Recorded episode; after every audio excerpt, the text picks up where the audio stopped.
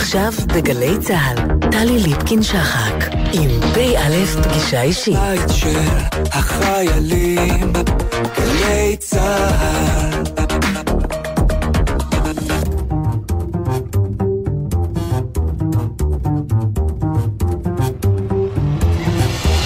שלום לכם, ערב טוב, שבוע טוב. פא' פגישה אישית משולשת בתפר שבין השבוע שעבר, שעמד בסימן שובה של הקורונה, המשך ההתגוששות של הפוליטיקה בערך הענייניות, קטל בדרכים וזילות חיי אדם בהיעדר משמעת וכבוד לחוק, היינו ערך קורונה ונתב"ג.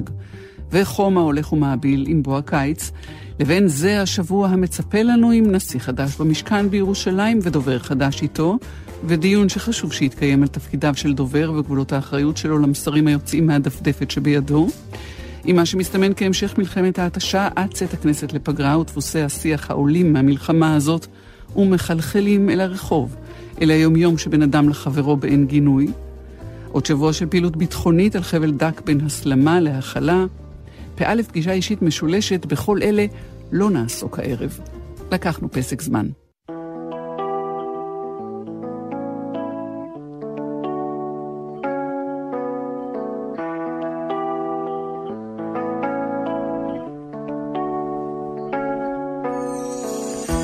לקחת פסק זמן ולא לחשוב.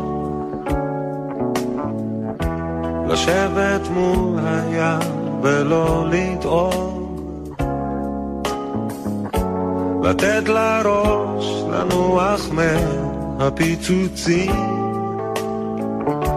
לתת ללב לנוח מהלחצים. אני יודע שזה לא הזמן. בעצם גם אני עוד לא מוכן. אבל הנשמה רוצה קצת מנוחה. לתפוס אוויר בשביל לחזור לעבודה. אולי זה רק משבר קטן וזה חולם. אולי פשוט אני נהייתי קצת עייף. לקחת פסק זמן ולא לחשוב. לשבת מול הים ולא לדאוג. לתת לראש לנוח מהפיצוצים. לתת ללב לנוח מהלחצים. אולי זה רק משבר קטן וזה חולם. אולי פשוט אני נהייתי קצת עייף.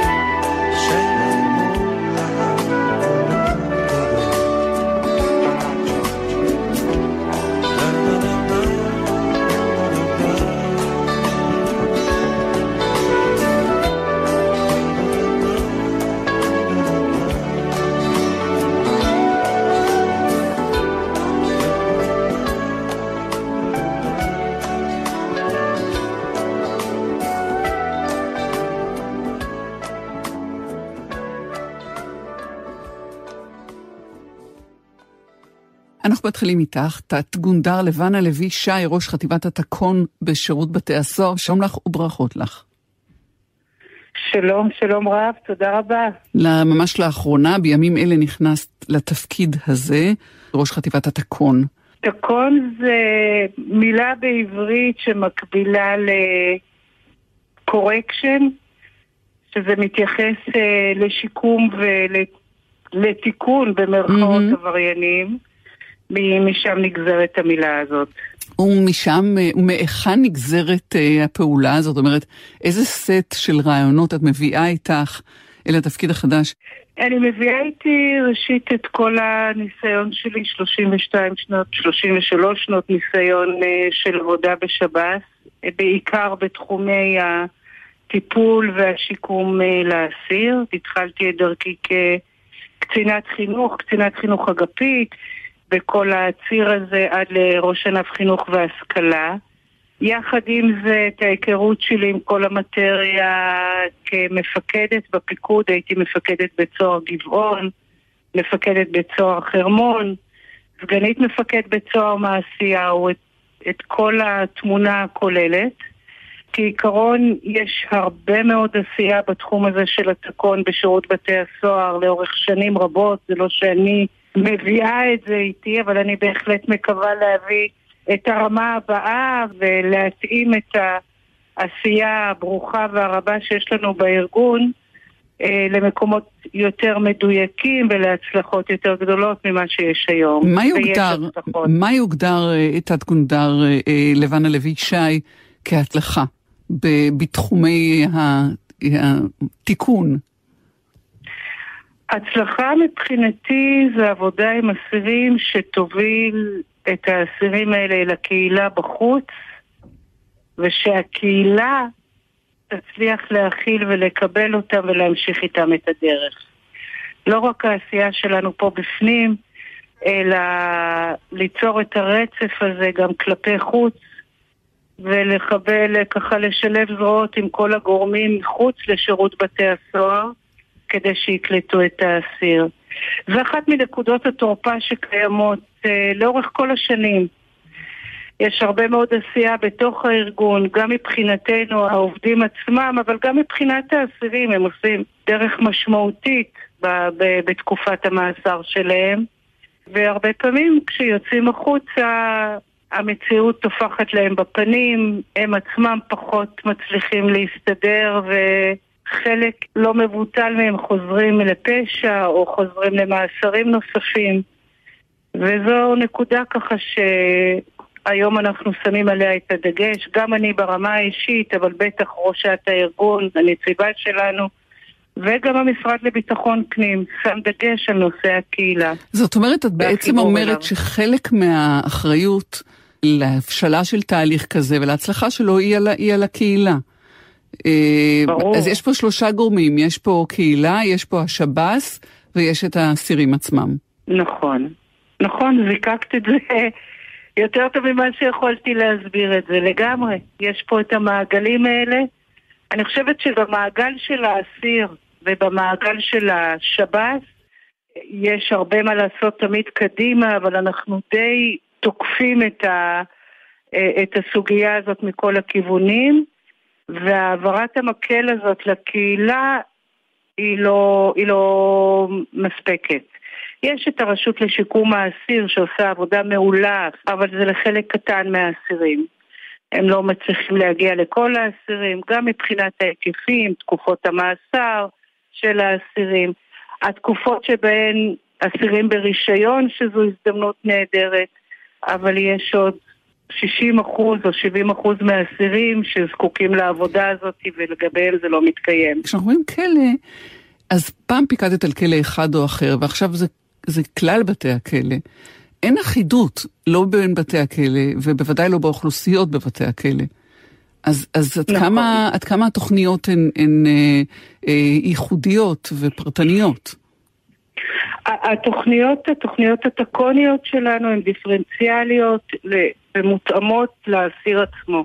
אסירים אה, מקבלים את התוכניות שמתאימות לעבירה או לפערים שקיימים בהם. אז אנחנו אה, יודעים אה, להפריד את התוכניות הטיפוליות שלנו ומנסים לתת את מה שצריך, אם זה טיפול אה, לעברייני מין או אלימות במשפחה או אלימות כללית, התמכרויות למיניהם.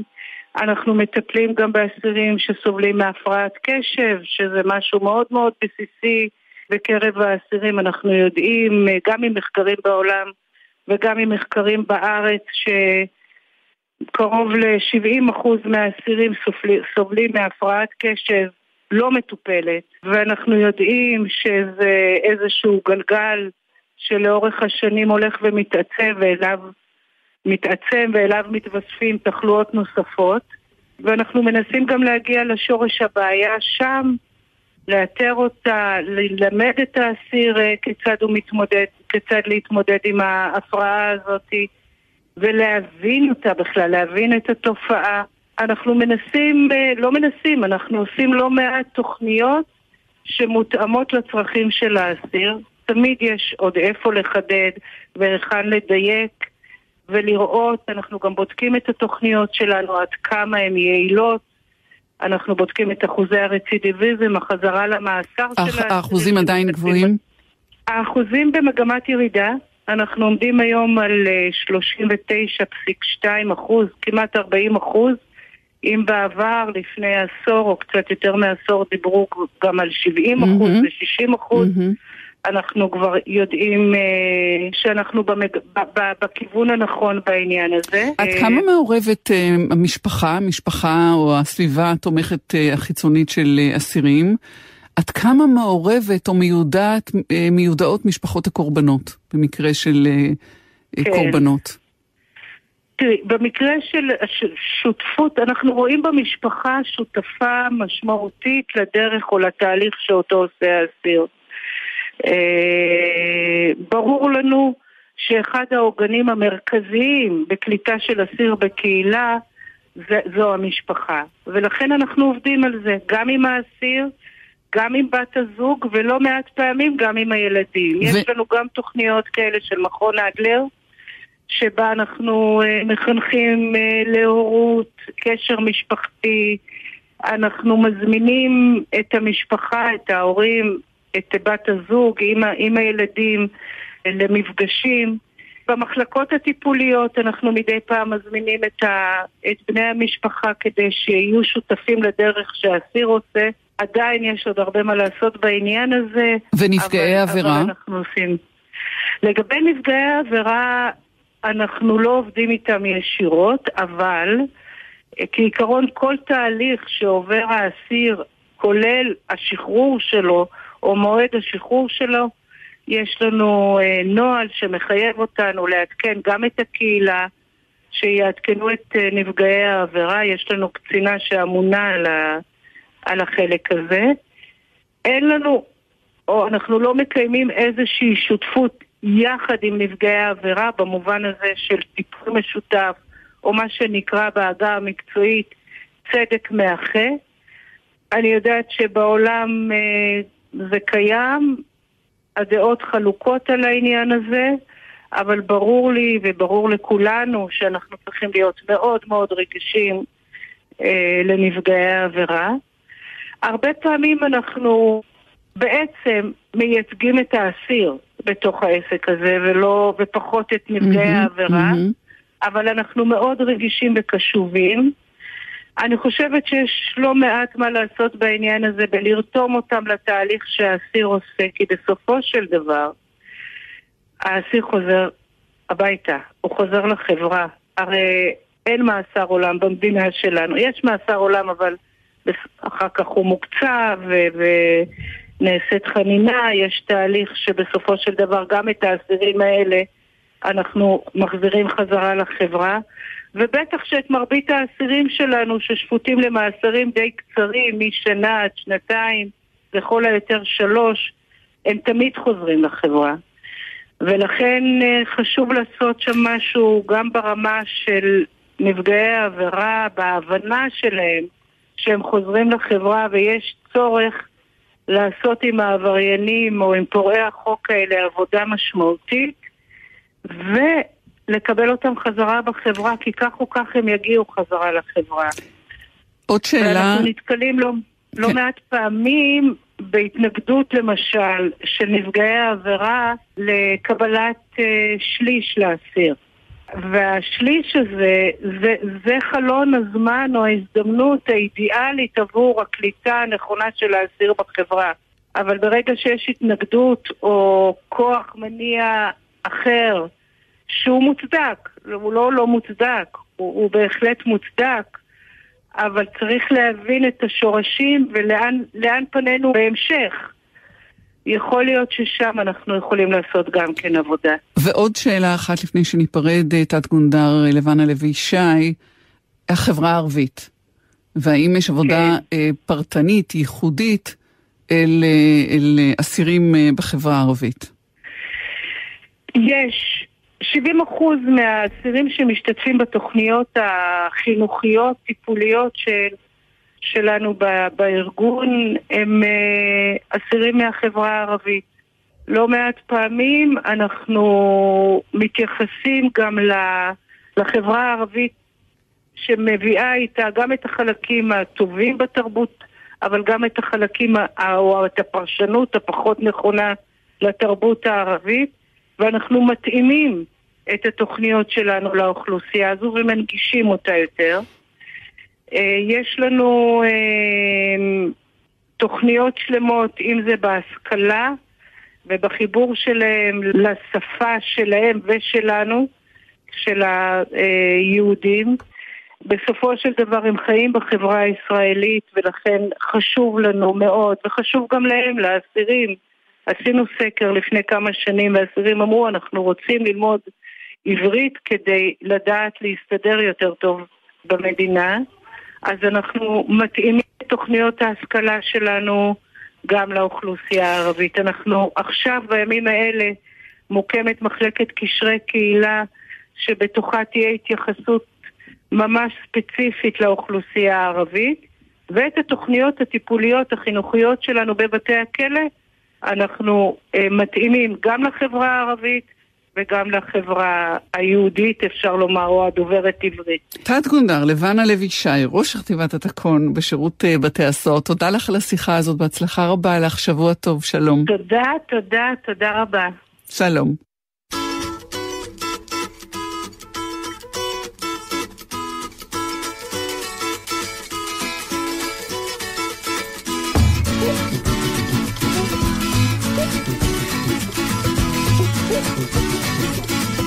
Mama pajama rolled out of bed and she ran to the police station. When the papa found out, he began to shout and he started the investigation. It's against the law. It was against the law. Or what the mama saw. It was against the law. The mama looked down and spit on the ground every time my name gets mentioned. Papa said, oh, if I get that boy, I'm gonna stick him in the house of detention. Well, I'm on my way. I don't know where I'm going, I'm on my way. I'm taking my time, but I don't know where. Goodbye to Rose, the queen of Corona.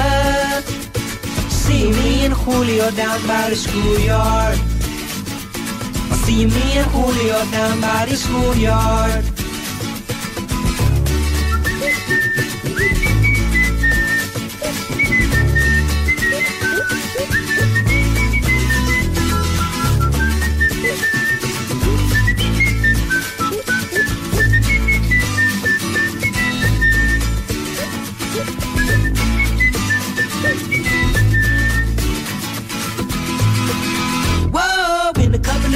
And take me away, but the press let the story leak.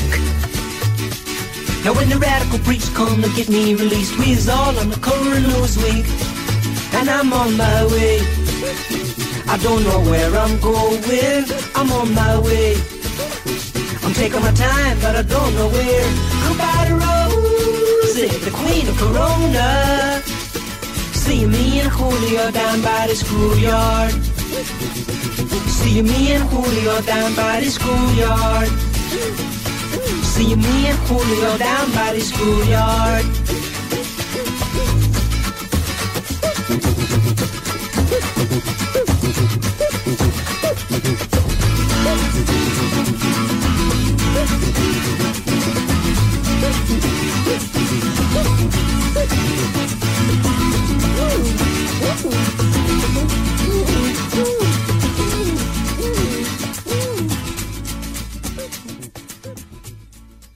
שלום לך, דוקטור ענת שטרן. שלום רב. היסטוריונית צבאית מהמחלקה להיסטוריה, פילוסופיה ומדעי היהדות באוניברסיטה הפתוחה, ומי שהייתה גם מדריכה במכללה לביטחון לאומי. שלום וברכות לך לרגל הוצאת אה, הספר לוחמים במשפט, השיפוט הצבאי בישראל במלחמת העצמאות. לקח הרבה זמן, רבה. אבל נולד. כן, לקח כמה שנים, מלחמה, מגפה, בחירות, בסוף יצא. כמו שדברים שהם היסטוריים מעניינים את היום הזה, מעניין אה, לראות ממה צמח ומאיפה צמח השיפוט אה, הצבאי, וכמה הוא דומה למערכת שאנחנו מכירים היום. אז בואי נתחיל מהסוף, כמה, כמה הוא דומה. אה, הוא דומה בעקרונות שלו, משום, שה... משום שצה"ל היום הוא עדיין צבא שהחברה יש לה משמעות גדולה עבורו. יש קשר הדוק בין הצבא והחברה בישראל, והדבר הזה התקיים כבר בתקופת היישוב, וכמובן במלחמת העצמאות. אה, וחלקים מהחוק שנכתב ב-1947-8 עדיין קיימים כיום בחוק. צריך, בחוק השיפוט הצבאי של ימינו. צריך להבהיר, את אומרת, נכתב ב-47-48, זה לפני שהוא מוקם צה"ל, למעשה. נכון, אה, התהליך של הכתיבה החל למעשה בנובמבר 47. היועץ המשפטי של ארגון ההגנה התבקש לכתוב אה, תקנון שישרת את הכוחות הלוחמים. החוק אושר לשימוש כבר ב-1 במאי, כלומר לפני הקמת המדינה, לפני הקמת צה"ל, ושימש אותו במהלך המלחמה. אבל עד שהוא אושר, השתמשו בנורמות שהתעצבו בתקופת היישוב בתקופת ההגנה. מהו הדבר שיצר את הצורך לה- להידרש לשיפוט, לחוקי שיפוט, עוד לפני שקמה מדינה, עוד כשהמלחמה רק, אה, רק מתחילה, אה, אחרי כ"ט בנובמבר, אבל, אבל עוד לפני זה. כבר בהגנה רצו לעשות איזשהו תקנון אחיד, היו תקנון, תקנונים שונים בערים, אבל רצו לעשות אה, תקנון אחיד. וכשהתחילה הלחימה, באמת היו אה, מקרים אה, לא נעימים וחוסר אה, סדר כללי, והתקנון הזה באמת עזר להסביר את העניינים. כשאת אה, מביאה מובאה מבן גוריון, בישיבת ממשלה, זה כבר בהפוגה הראשונה של מלחמת העצמאות, לא במקרה את בוחרת לפתוח בזה, הוא מביע איזה זעזוע עמוק אה, לנוכח מה שנראה כמו גל עבריינות, שזה לאו דווקא שאלות של טוהר הנשק, אלא דווקא של עבריינות קטנה לכאורה. וזה מעיד על אה, איזושהי הבנה שכשמקימים אה, אה, מדינה ומעצבים חברה, יש חשיבות גדולה מאוד להידרש לדברים הללו. נכון, וצריך לזכור שכשהחלה המלחמה בעצם החלו לגייס אנשים שלא היו בארגונים אה, לפני כן. אה, זאת אומרת, הדבר הראשון שעשו זה גייסו את כל הפלמ"חניקים, כל אנשי ההגנה, אה, גם אנשי אצ"ל ולח"י התגייסו באופן פרטני עוד לפני שהיה ההחלטה להתגייס בצורה משותפת. אבל אנשי היישוב כולם גויסו, והם גויסו באמצעות צווים שפרסם מרכז המפקד לשירות העם. והחלה עבריינות, גם עבריינות משמעת קלה, וגם ככל שהמלחמה אה, נמשכה, החלה תופעה של אה, ביזה וגם של אה, עריקה, בעיקר מסיבות כלכליות, משום שכשהקרבות נגמרו, אז אה, חיילים שהיו רגילים להיות חברי מחתרת או להיות אזרחים, אה, עברו הביתה, חזרו הביתה, כי הם לא ראו צורך להישאר אה, בבסיס. כן, הם לא, לא היו רגילים לזה, לחלקם היו בעיות כלכליות, משפחות שלא קיבלו אה, משכורת, הם לא קיבלו משכורת והמשפחות לא קיבלו תשלום. Mm-hmm. ולכן הייתה גם תופעה של עריקה לשם סיוע כלכלי, כלכלי למשפחות. מתוך, אה, מתוך השקפה שמקשרת אה, בין עמידה מוסרית ליכולת צבאית, אה, את מנסחת זאת, ממנה בן גוריון את, את יעקב ריפטין, חבר ועד הביטחון, איש מפ"ם, לבדוק באמת מקרים של אה, שוד אה, ואלימות, אה, לאו דווקא בהקשר מבצעי ישיר. ו, וזה מביא אותנו אל השאלה של באמת תרבות של משמעת, שיש הלוקחים אותה מן הארגונים שמהם הם באו, ויש את אלה הבאים מן האזרחות לגמרי. איך מיישרים קו? כן, אז בשביל זה בעצם נוסד התקנון, וגם הוקמה באמת מערכת השיפוט תוך כדי המלחמה. ריפטין אה, קיבל אה, מינוי לחקור באמת את אותם מקרי אלימות, והמסקנה המרכזית שלו הייתה שצריך להקים את מערכת השיפוט. ולדגל נקרא אה, אברהם גורלי, עורך דין שהיה אה, פעיל במנגנון המשפטי של אה, ארגון ההגנה. והוא הפך להיות התובע הכללי הראשון, לימים אה, נקרא התפקיד הזה פצ"ר, והוא זה שבדמותו אה, המערך השיפוטי של, אה, של צה"ל, אה, מתוך תפיסה של אחריות עמוקה לשלטון החוק ולצורך לקיים אותו במהלך המלחמה. עכשיו זה דבר שהוא מאוד יוצא דופן, משום שבראשית הדרך אין ריבונות. אין עדיין בתי סוהר, המשטרה הצבאית הוקמה רק באפריל, והרצון הזה לקיים את הצדק, את המוסר, את החוק, את שלטון החוק, הוא דבר שמאפיין את מערכת השיפוט של צה"ל באמת מהרגעים הראשונים שלה, כאמור, עוד לפני שקיים צה"ל. אבל גם המתח הזה שבין המסורות המשפטיות, אה, אחת הצבאית, המיליציונית, כפי שאת קוראת לה, אה, זאת של צבא סדיר, והטשטוש בין אזרחים וחיילים במהלך המלחמה, זה, זה מאפיין מדינה בראשיתה, ובוודאי מלחמה שפורצת ב, ב, בתוך חבלי הלידה של, של מדינה, מלחמת עצמאות. כן, הממשק בין הצבא והחברה הוא מאוד בולט כשמסתכלים על מערכת השיפוט. אה, בשני מקרי בוחן שאני מתייחסת אליהם בספר. אחד, הסוגיה של הגיוס, שבאמת, כמו שאמרתי, מעמיד אה, ארגון אזרחי, אה, מעמיד לדין את אותם משתמטי גיוס שלא ידעו מה לעשות איתם, משום שהגיוס, כמו שאמרתי, נעשה בלי ריבונות, ובמסגרת הזו מעמידים לדין לא רק את המשתמטים, אלא גם את ההורים שלהם, וגם את המעסיקים שלהם, בשימוש ב... בענישה חברתית. הממשק השני הוא האופן שבו הצבא מעמיד לדין אזרחים בראשית הדרך. גם עבור עבירות אה, של מה שנקרא הפרעה למאמץ המלחמתי, אנחנו מדברים בעיקר על התקופה הראשונה, התקופה הבין-קהילתית, שבה למשל יש תופעה של ספסרות וגנבת נשק מהבריטי ומכירתו, והצבא, בכל מקום שהוא נתקל בזה, מעמיד את האזרחים לדין באמצעים שונים, ולאחר מכן, החל מאפריל, גם מעמיד לדין אזרחים בגין ביזה.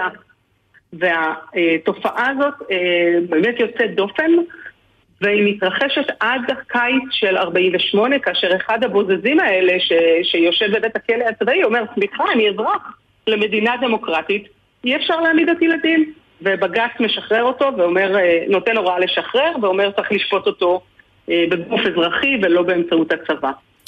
למעשה, דוקטור ענת שטרן, הדיון בינינו בשאלה מדוע בחרת, או איך מצאת את הפריזמה של השיפוט הצבאי כגורם או כנושא למחקר שעוסק בצבא חברה?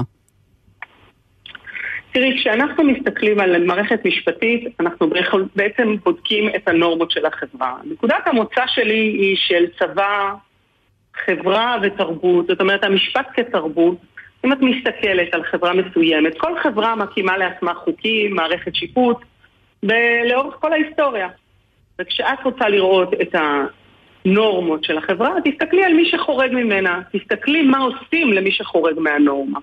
ולכן יש ערך רב אה, לקבל פה איזשהו, איזושהי זווית שונה, וגם כזו שנותנת קול לאנשים שבדרך כלל אנחנו לא שומעים אותם, החיילים הזוטרים, החיילים הפשוטים, המפקדים הזוטרים, כל מיני אנשים שהם משרתים אה, לצד המערכת המשפטית, כמו קציני סעד, מה שהיום אנחנו קוראים ת"ש, mm-hmm. שמסייעים לבתי הדין.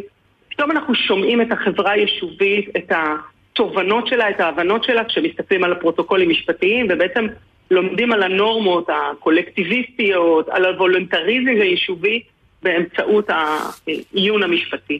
הדבר הכי בולט זה העוצמה של היישוב. הערכים הקולקטיביסטיים, ההבנה הזאת שצריך לשים את הכלל לפני הפרט, הוא משהו שהיה משותף לכל בני היישוב. גם כאלה שהיו לא רק בהגנה, אלא גם במחתרות, באצ"ל ובלח"י, ולכן הם מתגייסים לפני, אה, לפני בעצם שיש החלטה קולקטיבית של אותם ארגונים על כך. דבר שבדרך כלל לא שמים לב אליו, כי אנחנו רגילים לחשוב על אלטלנה ועל הפירוק הרשמי של הלח"י אחרי הקמת המדינה. אבל הערכים הקולקטיביסטיים האלה, ההבנה שאנחנו צריכים לשים את עצמנו לפני, הרעיונות של אליטה שמשרתת, האחריות שמפקדים נוטלים על עצמם לדאוג לחיילים שיש להם בעיות אה, סעד, כל הדברים האלה אה, מאוד בולטים בפרוטוקולים, ואפשר לראות גם שהם מתקיימים עד היום. האופן שבו מפקדים דואגים לחיילים שלהם, אה, עד ימינו בצה"ל, הגישה המיליציונית הזו, אה, לטעמי אפשר לראות אותה גם היום. והאופן שבו בני היישוב אה, באמת שמים את המחלוקות הפוליטיות שביניהם בצד, לטובת הגיוס למטרה החשובה, לטובת ההבנה שעכשיו אנחנו באיום קיומי, אה, זה משהו שאני חושבת שאנחנו יכולים ללמוד ממנו גם היום. בדיאלקטיקה של מערכת היחסים בין משפט וחברה, מה קודם למה? האם החברה וההתנהלות שלה מכתיבה את uh, התפתחות המערכת, מערכת החוקים, או מערכת החוקים מצליחה לאכוף על החברה את, את, את ההתנהגות? כן, זה באמת דיאלקטיקה, הדברים משפיעים אה, אחד על השני, החברה משפיעה על המשפט והמשפט אה, משפיע על החברה.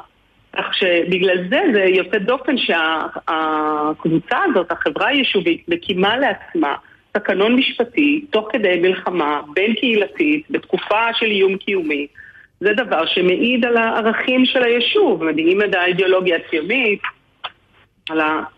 באמת ההבנה הזאת שצריך לעבוד לפי שלטון החוק ולפי נורמות של מוסר וצדק. וצריך לה, להקדיש רגע גם לאופן שבו אה, אספת את החומרים וגם לקשיים שלך. להשיג מהארכיונים את, אה, את התיקים, אה, את החומר המשפטי, כדי לתקף את, ה, את התובנות שלך במספרים, בנתונים על סוגי עבירות ועל האופן שבו הן טופלו.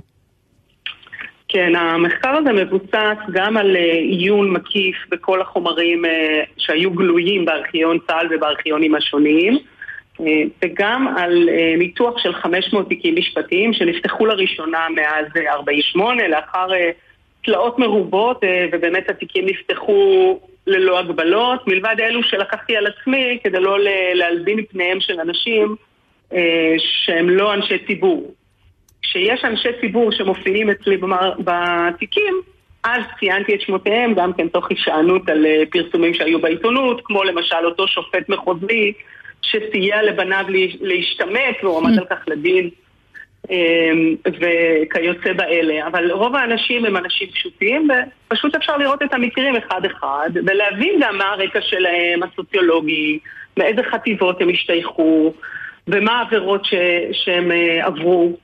אה, כל אלה מתוך ניתוח של 500 תיקים. ולמה רק 500 תיקים ולא יותר? משום שזה מה שארכיון צה"ל אה, נתן לי, וגם זה אחרי הרבה תלאות. אמ, אבל זה מדגם, זה מדגם, ואני חושבת שהחומר הזה צריך להיפתח אה, כולו, אפשר יהיה להסיק מכך מסקנות נוספות, אבל אה. אולי זה החוקר הבא יעשה, או אני. אה, בשלב הבא. יש, יש לך עוד הזדמנויות, כי, כי על פי מה שראית, גילית מספר, את כותבת, זעום של תיקי עבירות חמורות. אפשר שזה נכון. משקף ואפשר שאנחנו פשוט לא יודעים הכל. תראי, אני בחלק, בחומרים הפתוחים היו גם אה, דוחות כלליים שהתובע הכללי, אותו גורלי שציינתי קודם, אה, שלח, ואלה דוחות פנימיים, זאת אומרת, אה, מכילים את האמת כמו שהוא ידע אותה, ושם יש סטטיסטיקה של המקרים החמורים, יש מקרים מעטים מאוד של עבירות חמורות. עכשיו, בהחלט יכול להיות, ואני מתייחסת לזה במחקר, שהעבירות האלה לא דווחו. אבל גם מתוך עיון באמת, סריקה של כל הזיכ... ספרי הזיכרונות, המחקרים של אה, עמיתים שלי שנעשו, אין הרבה מקרים של עבירות חמורות. מה הפתיע אותך, דוקטור ענת שטרן? אמ, הפתיע אותי האופן שבו הקושי הכלכלי גרם לעבירות. גם בעריקה, כמו שציינתי, גם בתופעות של ביזה, שלפעמים אנשים, אה, חיילים שמוצאים אותם, והם אומרים, תשמעו, לאשתי אין מה לאכול, אה, הנה, אז לקחתי פה כמה מוצרי מזון, אה, הנה גליל בד, אנחנו עולים חדשים, גליל בד שהיא אה, תתפור לעצמה שמלה, וכיוצא באלה. עכשיו, כשבודקים מהם משפטים, אף פעם אי אפשר לדעת אם זו האמת או לא, אין לנו שום דרך לדעת, אבל אנחנו יכולים לדעת שזה מה שאותו עבריין, נאשם, חושב שיתקבל בבית הדין. ומכך אפשר להסיק איזושהי מסקנה גם על המחסור בעת המלחמה, גם על הקשיים האובייקטיביים של צבא שתוך כדי לחימה נתקל בקשיים לוגיסטיים ובמחסור כלכלי של החיילים שאין דרך לשלם להם. את מסיימת אה, את המחקר שלך אה, עם אה, הענקת פקודת החנינה הכללית של צה"ל בפברואר 1949. למה בעצם? משום שהחנינה הכללית גרמה לשחרורם של כל אותם עבריינים זוטרים והבנה שהקרבות הסתיימו ואפשר עכשיו לפתוח דף חדש אה, הסתיימו פחות או יותר, היו עוד אה, מעט קרבות אחרי פברואר, זה הדבר הראשון. והדבר השני זה חילופי הגברי שנעשו במערכת השיפוט, כאשר אברהם גורלי למעשה אה, מסיים את תפקידו כבר בסוף דצמבר, ומי שיהיה אחרי זה הפצ"ר אהרון חוטר ישי תופס את מקומו, ובעצם מתחיל עידן חדש של בנייה, ארגון ותפיסה חדשה של, הש... של מערכת. של מערכת השיפוט. אנחנו לא יכולות לסיים את השיחה הזאת, דוקטור ענת שטרן. כפי שאמרתי, היסטוריונית צבאית חוקרת את הזיקות בין משפט וצבא, ביטחון לאומי ויחסי צבא חברה, בלי להזכיר את הייחוס המשפחתי שלך. את נכדתו של יאיר שטרן. נכון. מצביא הלח"י. נכון. ואני תוהה איך, איך הרקע הזה נשזר אל תוך העבודה שלך, או מוליך אותך. אלא דווקא אל השביל הזה שבו בחרת? Uh, הרקע שלי תמיד נוכח, אני מאוד גאה בו, מאוד גאה במסורת המשפחתית שלי. Uh, והוא נוכח בשני ממדים. אחד, כאשר אני נתקלת בחברי לח"י במחקר, אני מסתכלת עליהם בעין uh, שהיא מבינה יותר, ואני מגלה ששוב, שהם דומים מאוד מבחינה ערכית על אף הכיתוב הפוליטי לבני היישוב האחרים, לחברי ההגנה, לפלמ"ח, הלכניקים היו אקטיביסטים גדולים.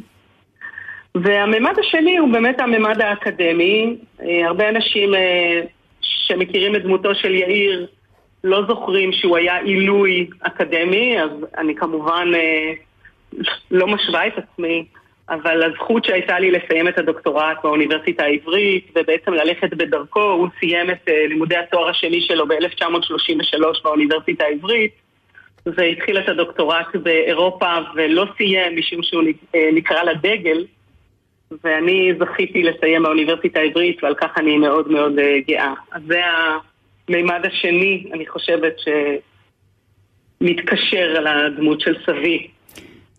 דוקטור ענת שטרן, תודה שדיברת איתנו, ברכות לספר, ואם תישארי איתנו תוכלי לשמוע את השיחה הבאה שתסגור את תוכניתנו עם אדם המוכר לך היטב, האיש שחיבר את הספר לכי בעין המצלמה. אבא שלך, יאיר שטרן. תכף יהיה לנו גם אותו. תודה רבה, טלי. תודה לך. שלום.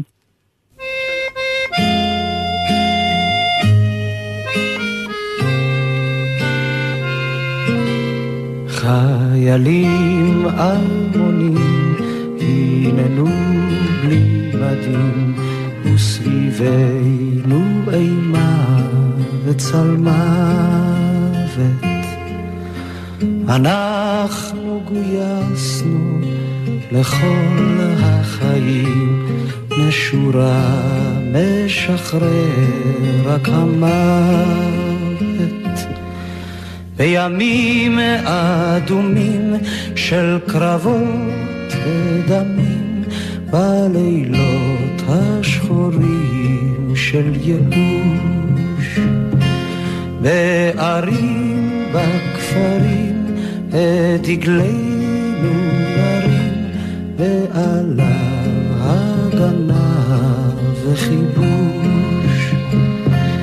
אם אנחנו ניפול ברחובות בבתים, יקברונו בלילה בלט. במקומנו יבואו אלפי אחרים מלחום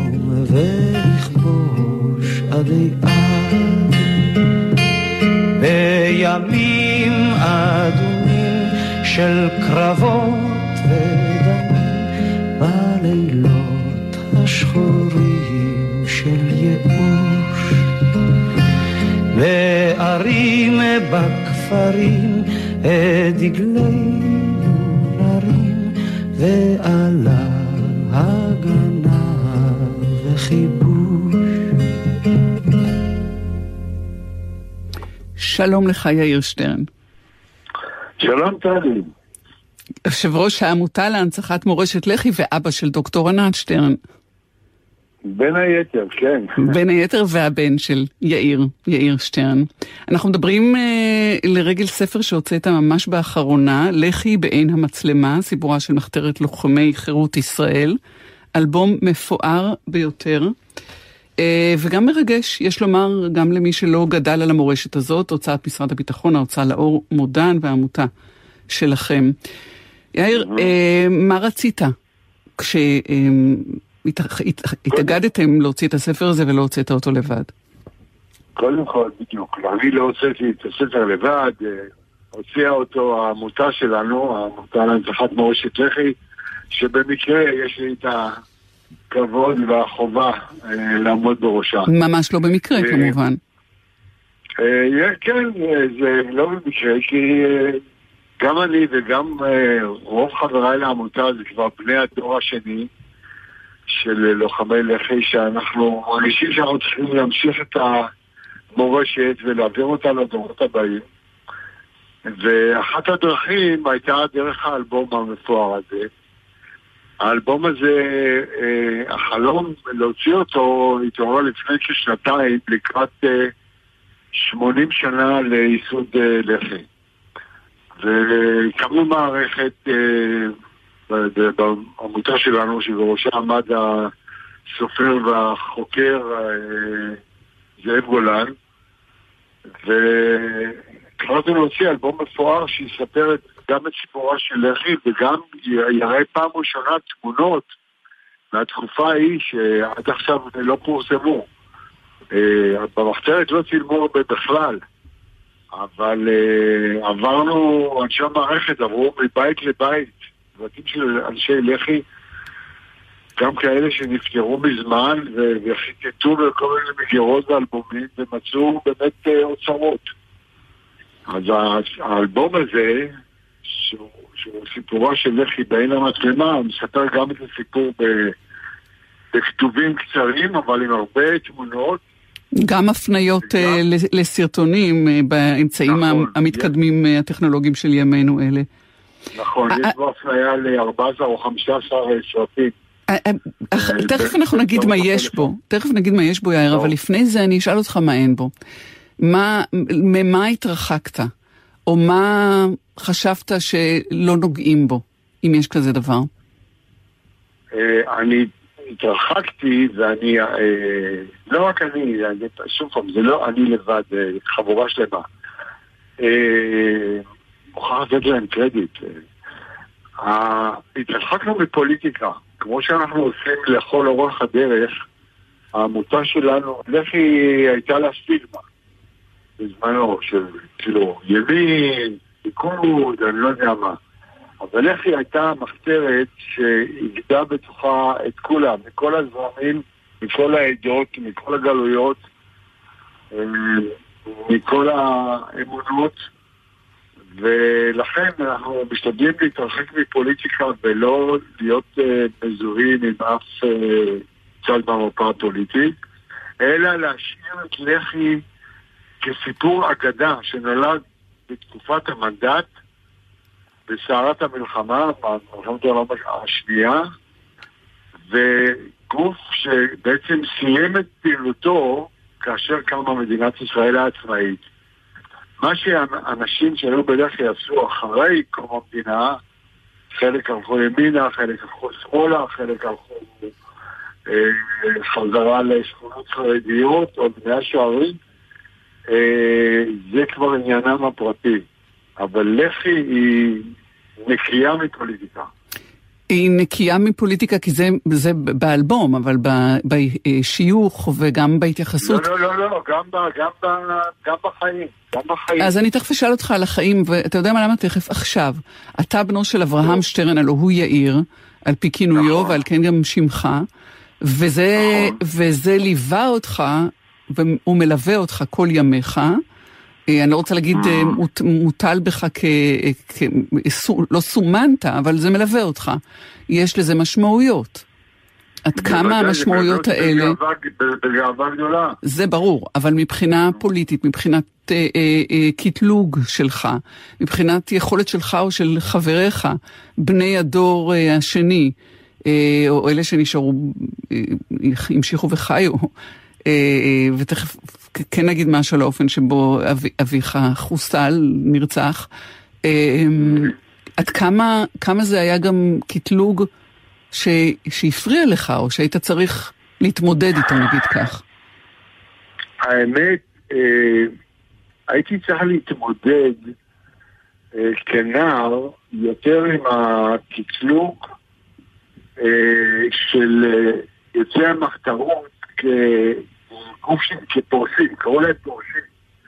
והממסד המפא"יניקי בתחילת שנות המדינה מאוד החרים את יוצאי המחתרות. אני ראיתי את זה גם אצלי בבית. אה, כש- אה, ויתומים ופצועים, וזה לא זכו לשום התייחסות ולשום אזכור. אה, יוצאי מחתרות, מי שלא היה פנקס אדום, לא יכול היה לקבל עבודה, אנשים רעבו ללחם. את הדברים האלה ראיתי, הם היו מפודרים, הם היו מוחרמים. ועד כמה זה עולה אבל- באלבום הזה, או, או איננו שם אה, כדי לא לחזור אל אותה לא. מרירות, או אל אותה חמיצות? אנחנו לא נכנסנו לאלבום הזה, לא תחושת מררות ולא תחושת חמיצות.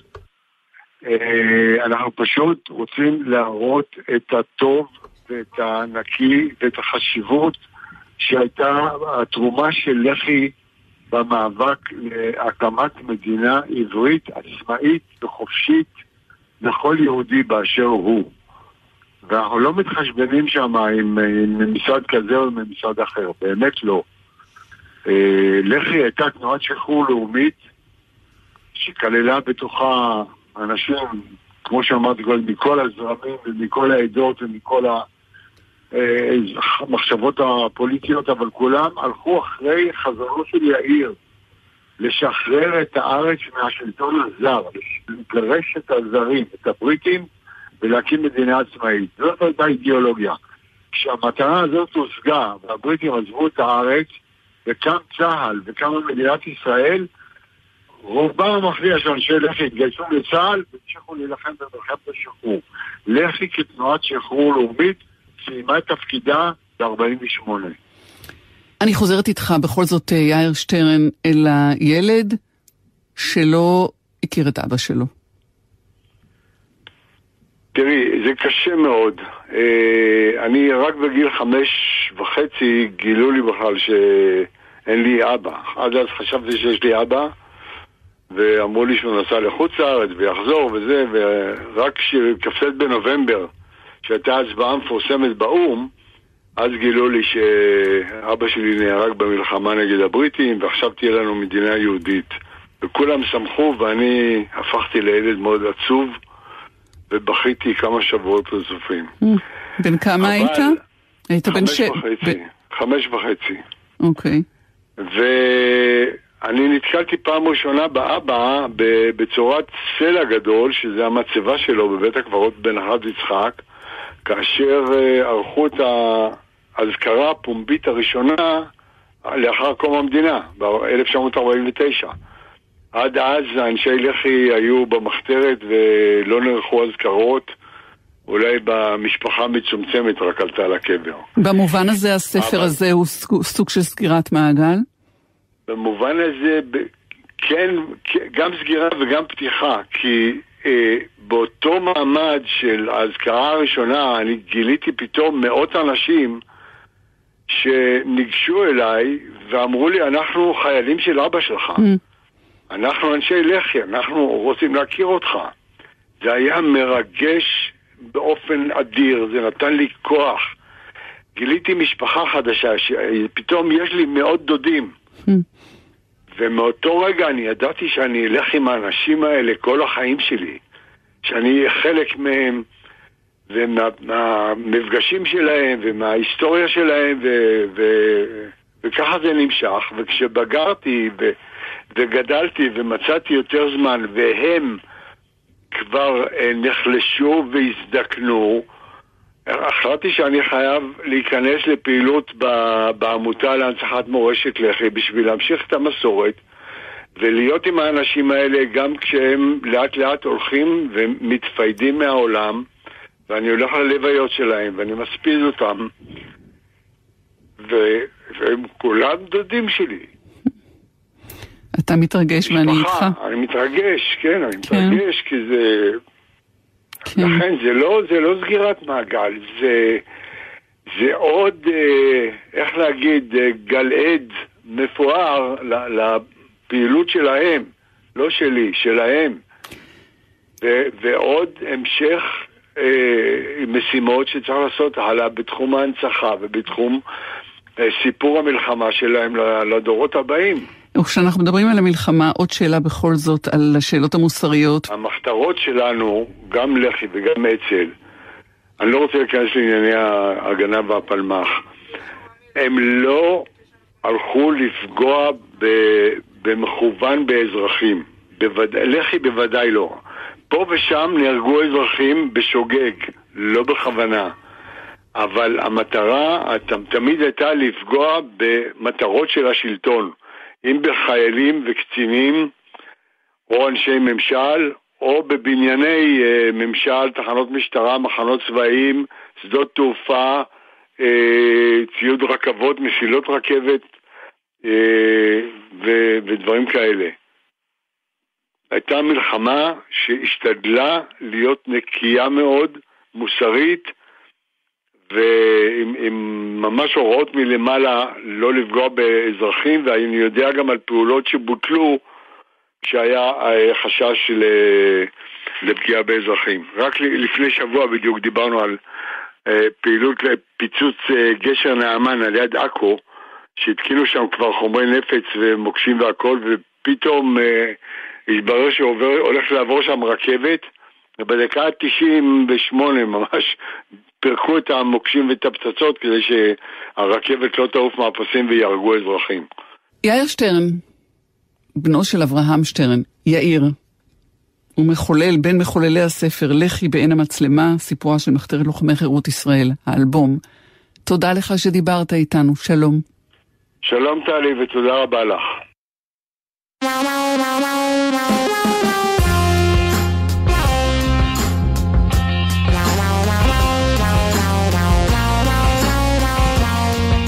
את המשדר הערב הפיקו ניצן שקדי, יפעת גלר ויעל צ'חנובר, הטכנאית את הצליל שילוח.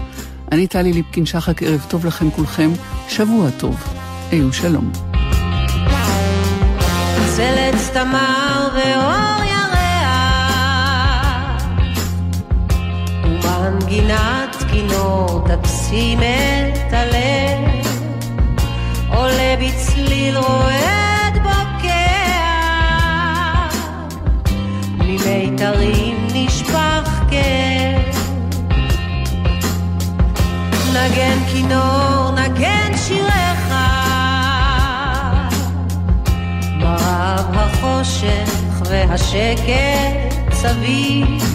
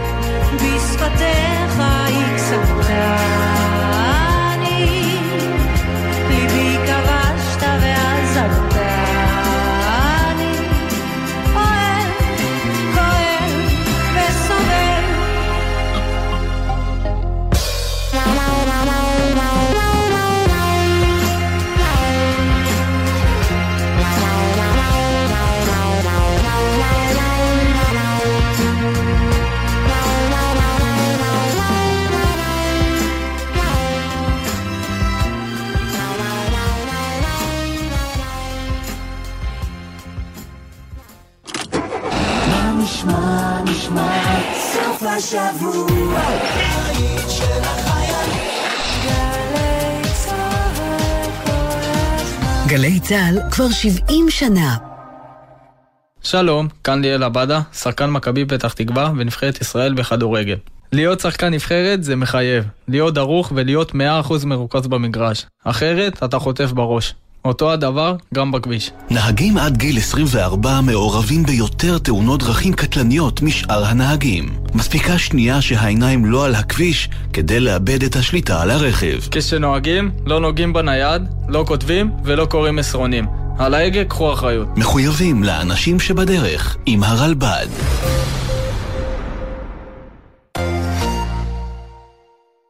מהו אורח החיים של להט"ב דתי? עם מה מתמודד טרנסג'נדר בפריפריה? ואיך מתמודדים הורים עם תהליך היציאה מהארון של הבן או הבת? הדוקטור אלעזר בן לולו, בפרק מיוחד של ההסכת שבט אחים ואחיות לרגל חודש הגאווה. בכל זמן שתרצו, באתר וביישומון גלי צה"ל.